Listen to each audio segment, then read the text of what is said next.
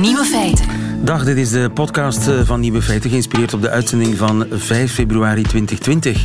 In het nieuws vandaag de Bosnische watersalamander die zeven jaar lang niet heeft bewogen. Blijkt uit onderzoek van biologen die het dier wilden volgen. De salamander kreeg een kenteken en af en toe doken de onderzoekers de onderwatergrot in waar hij woont om te checken waar hij uithing. Maar de salamander bleek telkens op dezelfde plek te zitten. De soort heeft namelijk geen natuurlijke vijanden in de grot en jaagt simpelweg door te wachten tot er een prooi voorbij wandelt. En dat heeft een salamander dus zeven jaar lang volgehouden. Overigens kan zelfs seks de dieren niet tot beweging brengen. Dat doen ze één keer in de twaalf jaar als er toevallig iemand passeert. Geef hem eens ongelijk.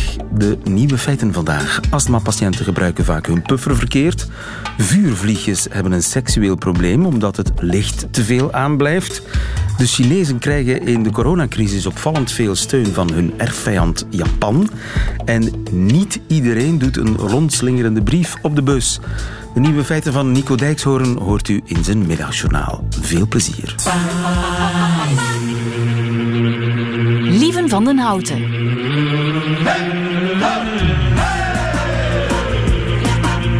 Nieuwe feiten. De vuurvliegjes zitten met een seksueel probleem dat velen misschien herkenbaar in de oren zal klinken.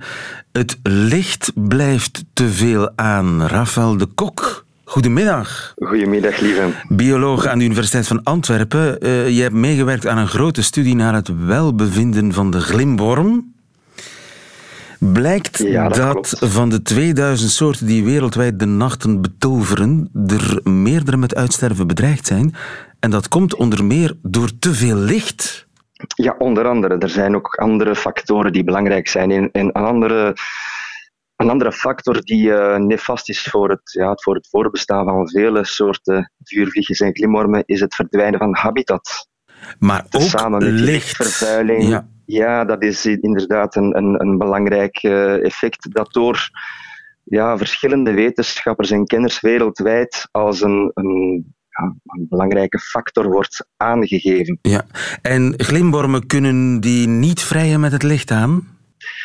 Ja, daar hebben ze een probleem mee, omdat eh, verlichting zoals straatverlichting, tuinverlichting, verlichting van, van industrie en zelfs landbouw, die, die eh, overspoelt eigenlijk het licht van de vrouwelijke glimwormen, waardoor de mannelijke glimwormen die rondvliegen en op zoek zijn naar die eh, vrouwtjes, de vrouwtjes niet meer zien zitten.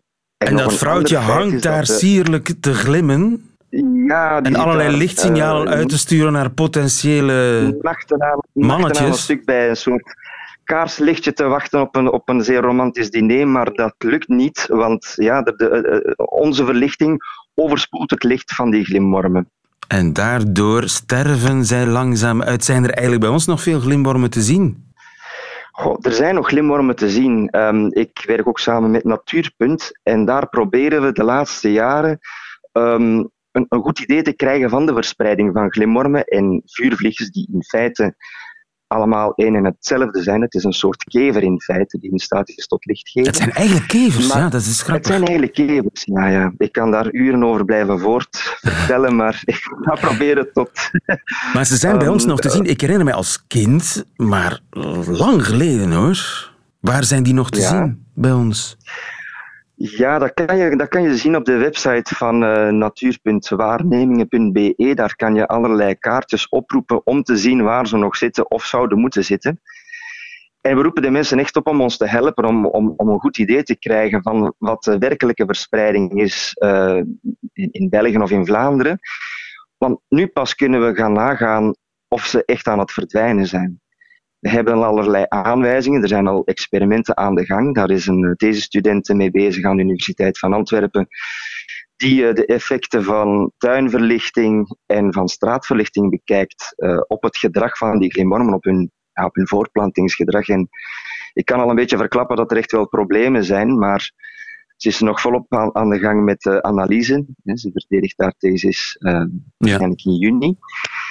Ehm, maar ook andere collega's wereldwijd vinden allerlei problemen, eh, onder andere door die lichtvervuiling. Ja. Naast natuurlijk vervuiling ook en, en, en het verdwijnen van hun, van hun habitat. Is die lichtvervuiling ook de voorbije jaren nog toegenomen bij ons?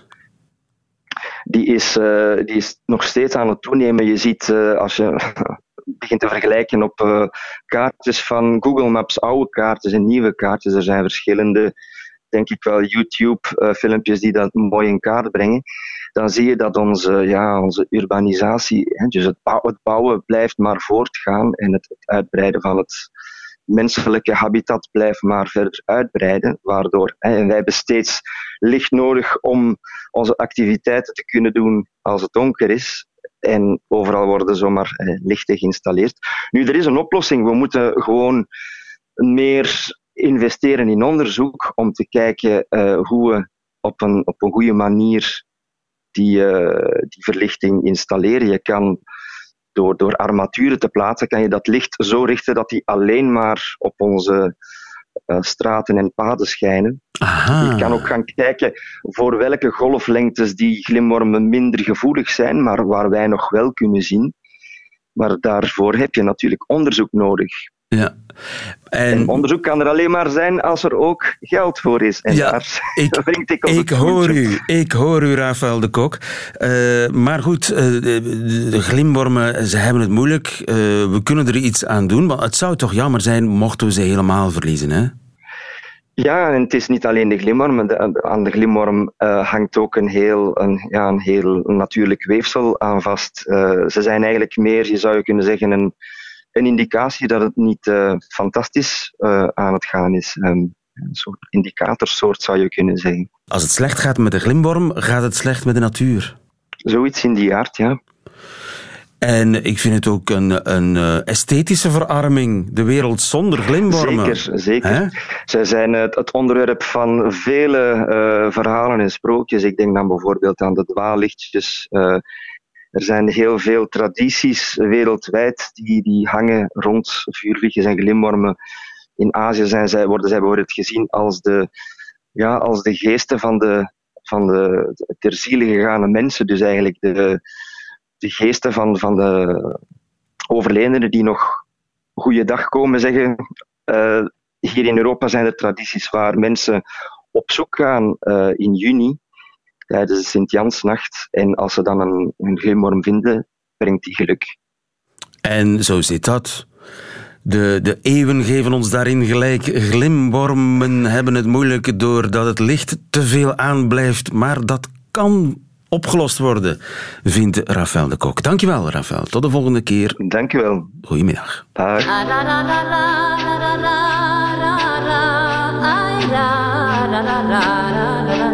Nieuwe feiten.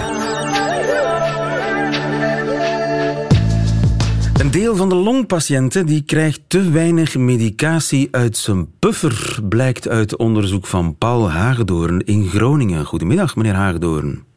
Hey, goedemiddag. U bent uh, inhalatietechnoloog aan de Rijksuniversiteit in Groningen. Uh, gebruiken ja, patiënten soms de verkeerde puffer? Is dat het probleem?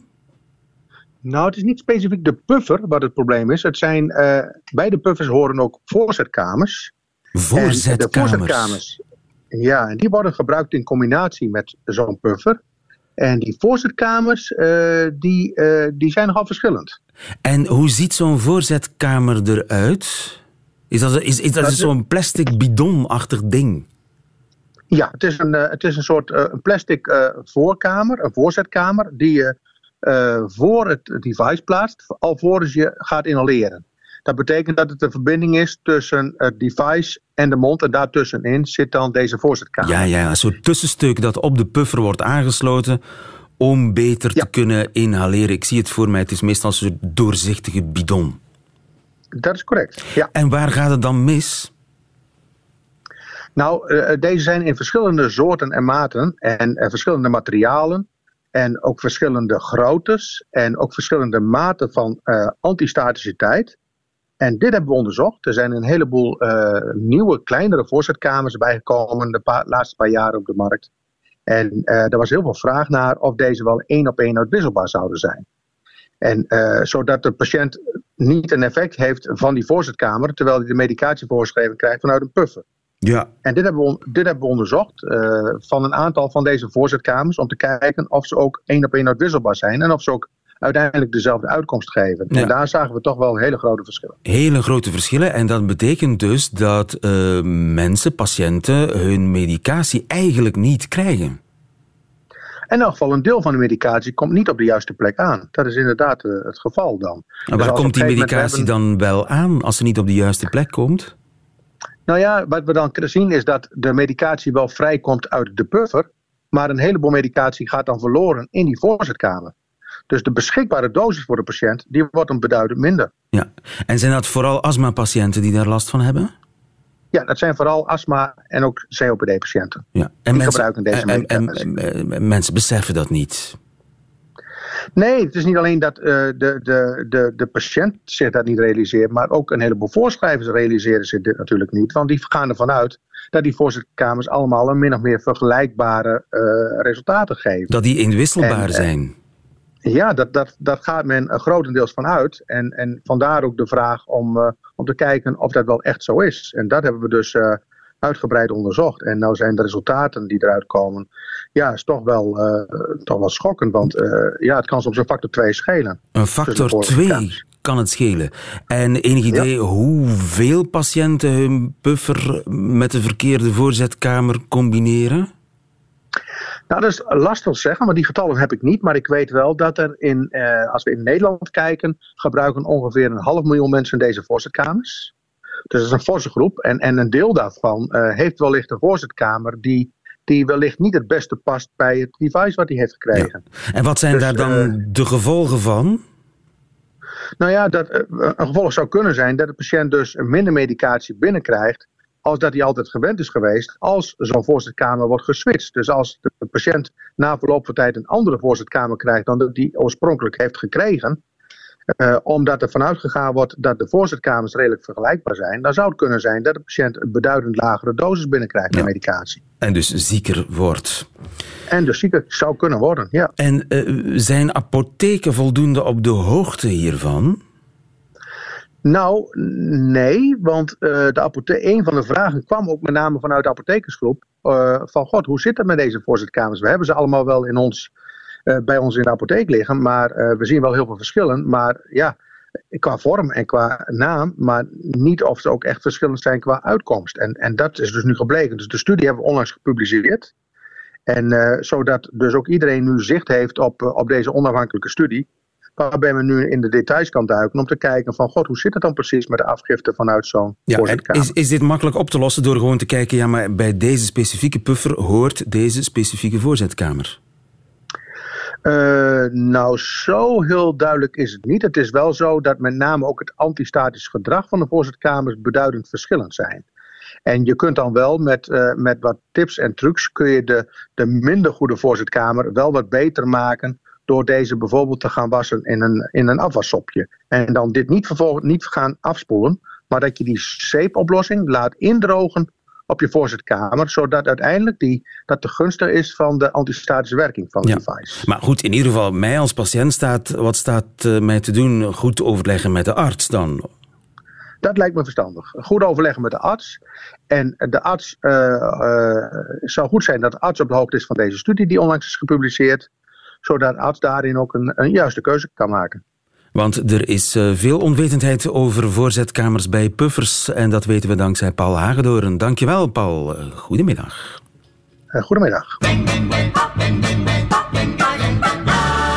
Nieuwe feiten. In nood leert men zijn vrienden kennen en dat ondervinden de Chinezen vandaag die op weinig sympathie kunnen rekenen in hun coronacrisis. Behalve van hun aardsvijand Japan. Vera de Vos, goedemiddag. Goedemiddag. China-kenner van VRT Nieuws. Ja, sinds het uitbreken van de coronacrisis stapelen de anti-Chinese maatregelen zich op. Ik hoorde er net nog Riyad Bari zeggen dat het aantal vluchten tussen Brussel en Peking zal gehalveerd worden. Ja. Vliegtuigen in sommige landen worden ze, als er Chinezen aan boord zijn, teruggestuurd. Twintig landen weigeren reizigers uit China. Ja. Dat, dat, dat, houdt niet op, hè? Nee, het houdt niet op. Het wordt inderdaad... Uh, ja, China raakt meer en meer geïsoleerd. Dat merken de Chinezen ook. En uh, ze zijn een beetje boos op uh, wat zij dan een overreactie noemen van de rest van de wereld. Trouwens, ik ga zo meteen na jouw programma naar de Chinese ambassade hier in Brussel, die, waar de ambassadeur ook een persconferentie gaat geven. En we denken dat hij iets gelijkaardigs gaat zeggen.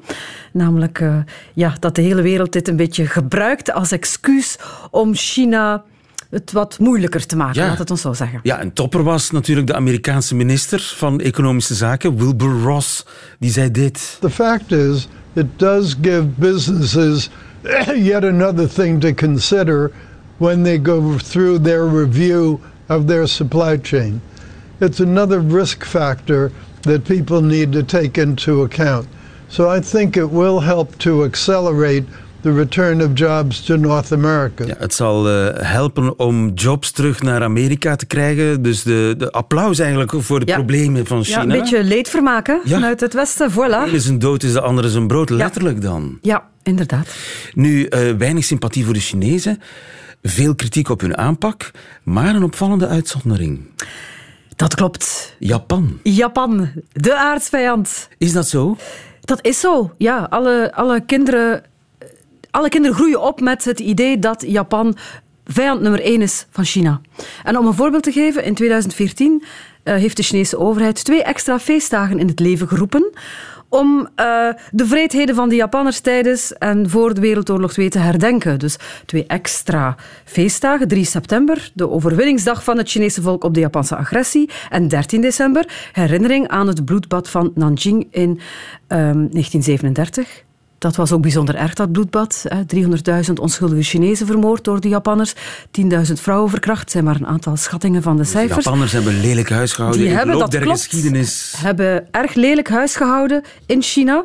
En China doet er alles aan zodat dat niet vergeten wordt. Dat dus de schoolkinderen op die feestdagen naar herdenkingen gaan, um, naar Nanjing, allerlei monumenten, om toch maar goed in hun hoofd te houden dat Japan de aardsvijand van China is. En is er ook onder de gewone Chinezen een soort van anti-Japan sentiment? Bestaat dat? Dat is er zeker en dat wordt ook op geregelde tijden een beetje opgepookt. Anti-Japanners moppen? Anti-Japanners moppen, um, slogans hangen op... Um, op Japanse restaurants, waar dan de eigenaars een poster poster ophangen en zeggen: Ja, maar wij zijn Chinees.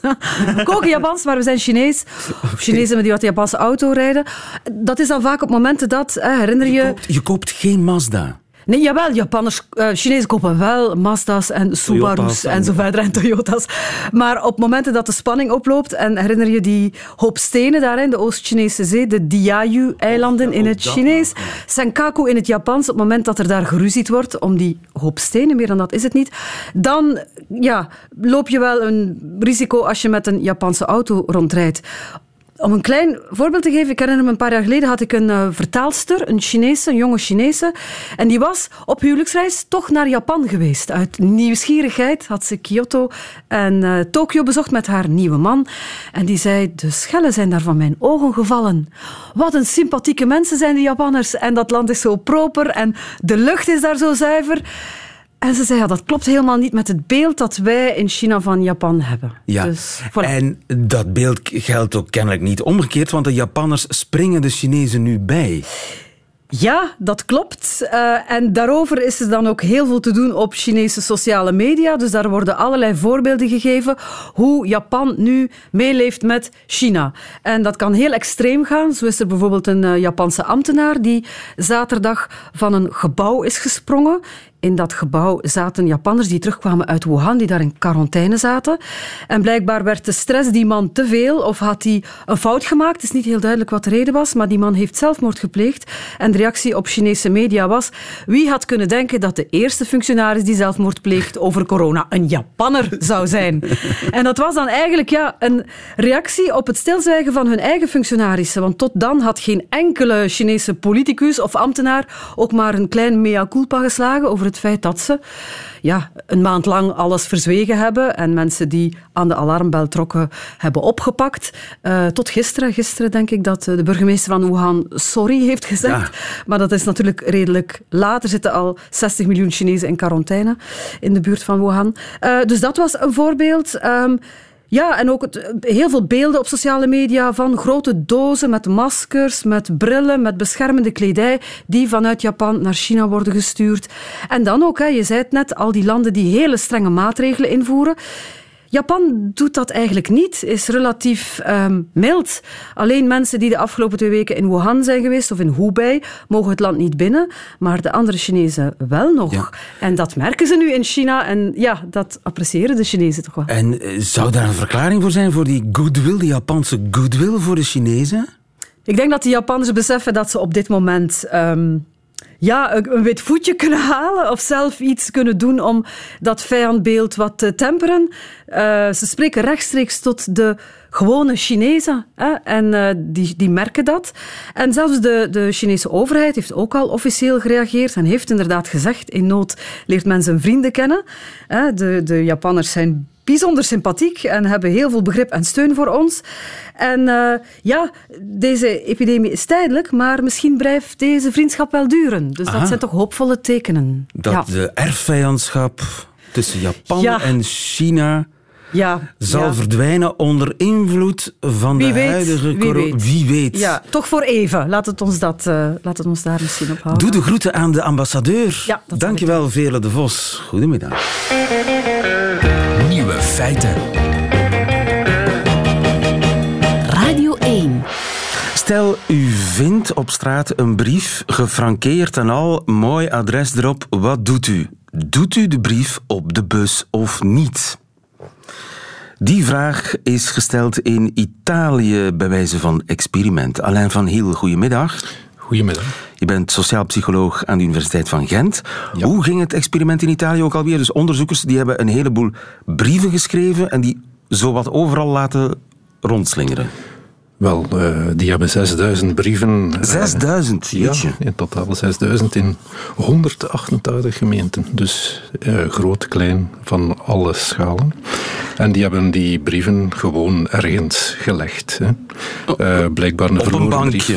Oh, bijvoorbeeld. Nu in het oude onderzoek, Milgram heeft eigenlijk die methode ontwikkeld. Uh, het, is een, het is een oud ja, ja, onderzoek absoluut. dat ze opnieuw gedaan hebben eigenlijk. Ja, ja, maar goed, er zijn andere, moet ik zeggen, er zijn andere variaties op het thema. Hè. Maar in, in het, de eerste onderzoekingen, voor zover ik mij herinner, liet men dat in luchthavens liggen bij telefooncellen. Ah, ja. En dan vond je daar een brief in met een, uh, een cv en een foto van een attractieve of een minder attractieve mens. En dan vond men bijvoorbeeld dat de attractieve mensen uh, ja, hun post nagestuurd kregen. Maar, Lelijke uh, mensen moesten een plan trekken. Uh, ja, dat Daar kwam er eigenlijk wel uit, ja. ja Ik noem het minder attractief. En de, deze test, is dat een soort van burgerschapstest nu in Italië? Om te checken of mensen bereid zijn om hun medeburgers in het algemeen te helpen? Zo zou je het kunnen zeggen, want uiteindelijk is het een, een, een soort van, ja, in hoeverre kunnen we vertrouwen hebben in elkaar. Eigenlijk kun je veel van de, van, van de verklaringen uh, of, of de, de, de, feiten die daar zich die uit het onderzoek blijken, kun je in termen van vertrouwen uitleggen. Ja. En maar ik moet zeggen, vroeger men noemde dat unobtrusive measures. Dat wil zeggen, men gaat gewoon in plaats van in een uh, experimentlokaal of uh, wanneer mensen weten dat ze bestudeerd worden, niet, men gaat maten gebruiken waarvan men in de verste verten de participanten niet kunnen weten dat ze deelnemen aan een onderzoek. Ja. ja. Uh, je gaat echt in het vrije veld, in het ja. werkelijke leven ga je onderzoek doen, uh, experimenten doen. Ja. Nu, je zegt vertrouwen, hoezo? Uh, ik vertrouw erop dat iemand mijn verloren brief wel zal posten? Wel, vertrouwen wil zeggen dat we ja, in mekaars goede intenties geloven. Hè. Dat wil zeggen dat wanneer ik bijvoorbeeld uh, een andere persoon uh, die over mij moet beslissen, dat hij de, de, de, de beste bedoeling bij mij heeft. Dat hij het goede voor mij wilt. En die brief is daar ook een soort toepassing van. Als ik, ja. iemand anders in een brief vind, zal ik die ook op de post doen. Ja. En andersom. We zijn er op de wereld om elkaar te helpen. Niet waar, zoiets. Dat is een heel boeiend sociaal-psychologische boodschap. Maar dus die 6000 brieven zijn overal in Italië verspreid om ja. te zien in welke regio's de mensen meer vertrouwen hebben in elkaar En in welke regio's minder vertrouwen hebben in elkaar? Ik moet zeggen, eh, bleek, blijkbaar waren er toch wel wat regionale verschillen. Dat wil zeggen dat vooral in het noorden van Italië de brieven werden teruggestuurd en veel minder zo in Zuid-Italië, de zuidelijke regio's. En hebben daar een verklaring voor? Wel, die auteurs die hebben een verklaring, die noemen dat, het zijn economen, uh, die noemen dat market integration. Hè? Market integration. Ja, oei, oei. Ja, ze hebben daar een aantal indicatoren voor, zoals de economische groei bijvoorbeeld en uh, de activiteitsgraad en dergelijke. En de redenering is dat wanneer mensen in het werkleven staan, uh, dat ze vaker ja, uh, kopen, verkopen, onderhandelen, weet ik veel, op elkaar moeten vertrouwen. Ja, Deelnemen aan de maatschappij eigenlijk. Ja, Inderdaad. En in Zuid-Italië is dat, eh, ligt dat wat lager dan in Noord-Italië. In Zuid-Italië is de werkloosheid veel hoger, ligt die veel hoger. En is de economische groei lager, uh, historisch gezien en dergelijke meer. Dus klopt. Zou het met de maffia te maken kunnen hebben? Oei, dat zou zomaar eens kunnen natuurlijk. Maar ja, want waar de maffia regeert is, is het vertrouwen natuurlijk laag. Wel, uh, er zit geen maffiavraag in, vrees ik, in het onderzoek. Ja. Maar het zou zomaar kunnen natuurlijk. Ja. En maakt het uit welk adres er op de enveloppe staat? Welke naam en welk adres er op de enveloppe staat? Ja, zeker. Uh, een van de zaken is dat er uh, ja, namen van uh, minderheden op stonden, Marokkaanse naam bijvoorbeeld, of dat het een gewone Italiaanse naam was. Daar heeft men eigenlijk geen verschil gevonden. Hè. Dat was ongeveer gelijk. Dus er werden evenveel brieven die achtergelaten werden met Marokkaanse naam bijvoorbeeld, of Italiaanse ja, dus Lorenzo kreeg evenveel post als Mohammed. Absoluut.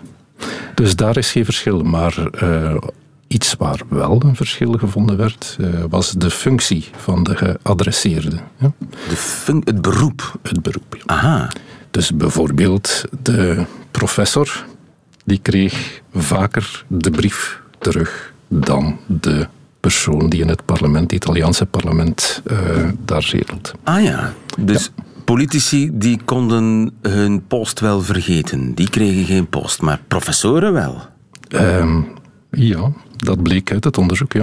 En ja, de verklaring daarvoor ligt voor de hand. Hè. De, professoren staan in hoger aanzien dan de politici, kennelijk. Wel, als je kijkt naar uh, bijvoorbeeld metingen in Europa, naar het vertrouwen dat men heeft in uh, beroepen, hè, dan blijkt dat het vertrouwen in politieke figuren, maar ook in journalisten bijvoorbeeld, heel laag is. Hè.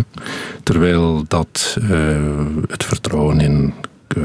Mensen zoals u?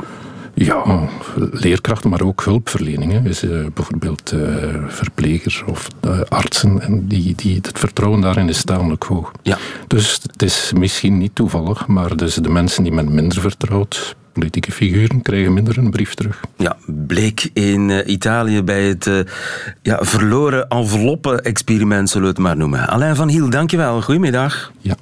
Bedankt, dag. Radio 1, altijd benieuwd. Dat waren ze, de nieuwe feiten van 5 februari 2020. Behalve die natuurlijk in het leven van Nico Dijkshoorn. Dit is zijn middagjournaal. Nieuwe feiten. Middagjournaal. Beste luisteraars. Het coronavirus is gearriveerd in België. Op dit moment is er één besmette Belg. Misschien onderschat ik deze epidemie een beetje, maar één patiënt, dat vind ik zo op mijn gevoel niet heel veel. Hij zit ook nog eens veilig in een luchtdichte ruimte, waar hij de hele dag alleen maar naar K3 mag luisteren en Nederlandse friet moet eten. Even over K3 gesproken. Ik las net dat een van de meisjes nu in Rotterdam gaat wonen. Ze woonde eerst in uw land maar nu gaat ze weer terug naar Nederland. Dat schijnt nieuws te zijn. Of ze heel snel verhuist door die ene corona-Belg, dat weet ik niet, maar het zou zomaar eens kunnen. In Nederland zijn wij namelijk coronavrij. Je weet dat natuurlijk nooit helemaal zeker. Het kan best zo zijn dat er ergens in Noordoost-Groningen een volkomen gemuteerde boer al vier jaar lang met een lichaam vol corona het land bewerkt of dat er ergens op een van onze eilanden een zonderlinge strandjutter al 630 schapen heeft besmet. Maar vooralsnog is Nederland zo op het eerste gezicht dan coronavrij. Het rare is Dat wordt hier in Nederland gevierd als een overwinning. Op u. Dat is een beetje de sfeer. De Belgen hebben één besmette inwoner en Nederland heeft er nul. Hahaha. Ha, ha. Ik snap die trots niet helemaal. Het is nu niet zo dat het coronavirus zijn paspoort moet laten zien als het een land binnen wil. Kinderlijke trots. Dat wij wel de kinkhoest hebben, de vliegende beriberi, de onverklaarbare haaruitval en de groene schurft. Maar we hebben dus nog geen corona. Ik vind dat trots zijn op niks. Ik heb bijvoorbeeld allebei mijn benen nog. Dan ga je ook niet naast iemand met een geamputeerd been de Polonaise staan dansen. Ik vind dat zo kinderachtig. De Zwitsers, die komen ons toch ook niet iedere dag vertellen dat wij geen bergen hebben? Luisteraars, ik hoor mijzelf nu deze tekst inspreken. En één ding weet ik zeker. Als je door corona vijf minuten voor één onsamenhangend gaat associëren op de Belgische radio, dan ben ik zeker besmet.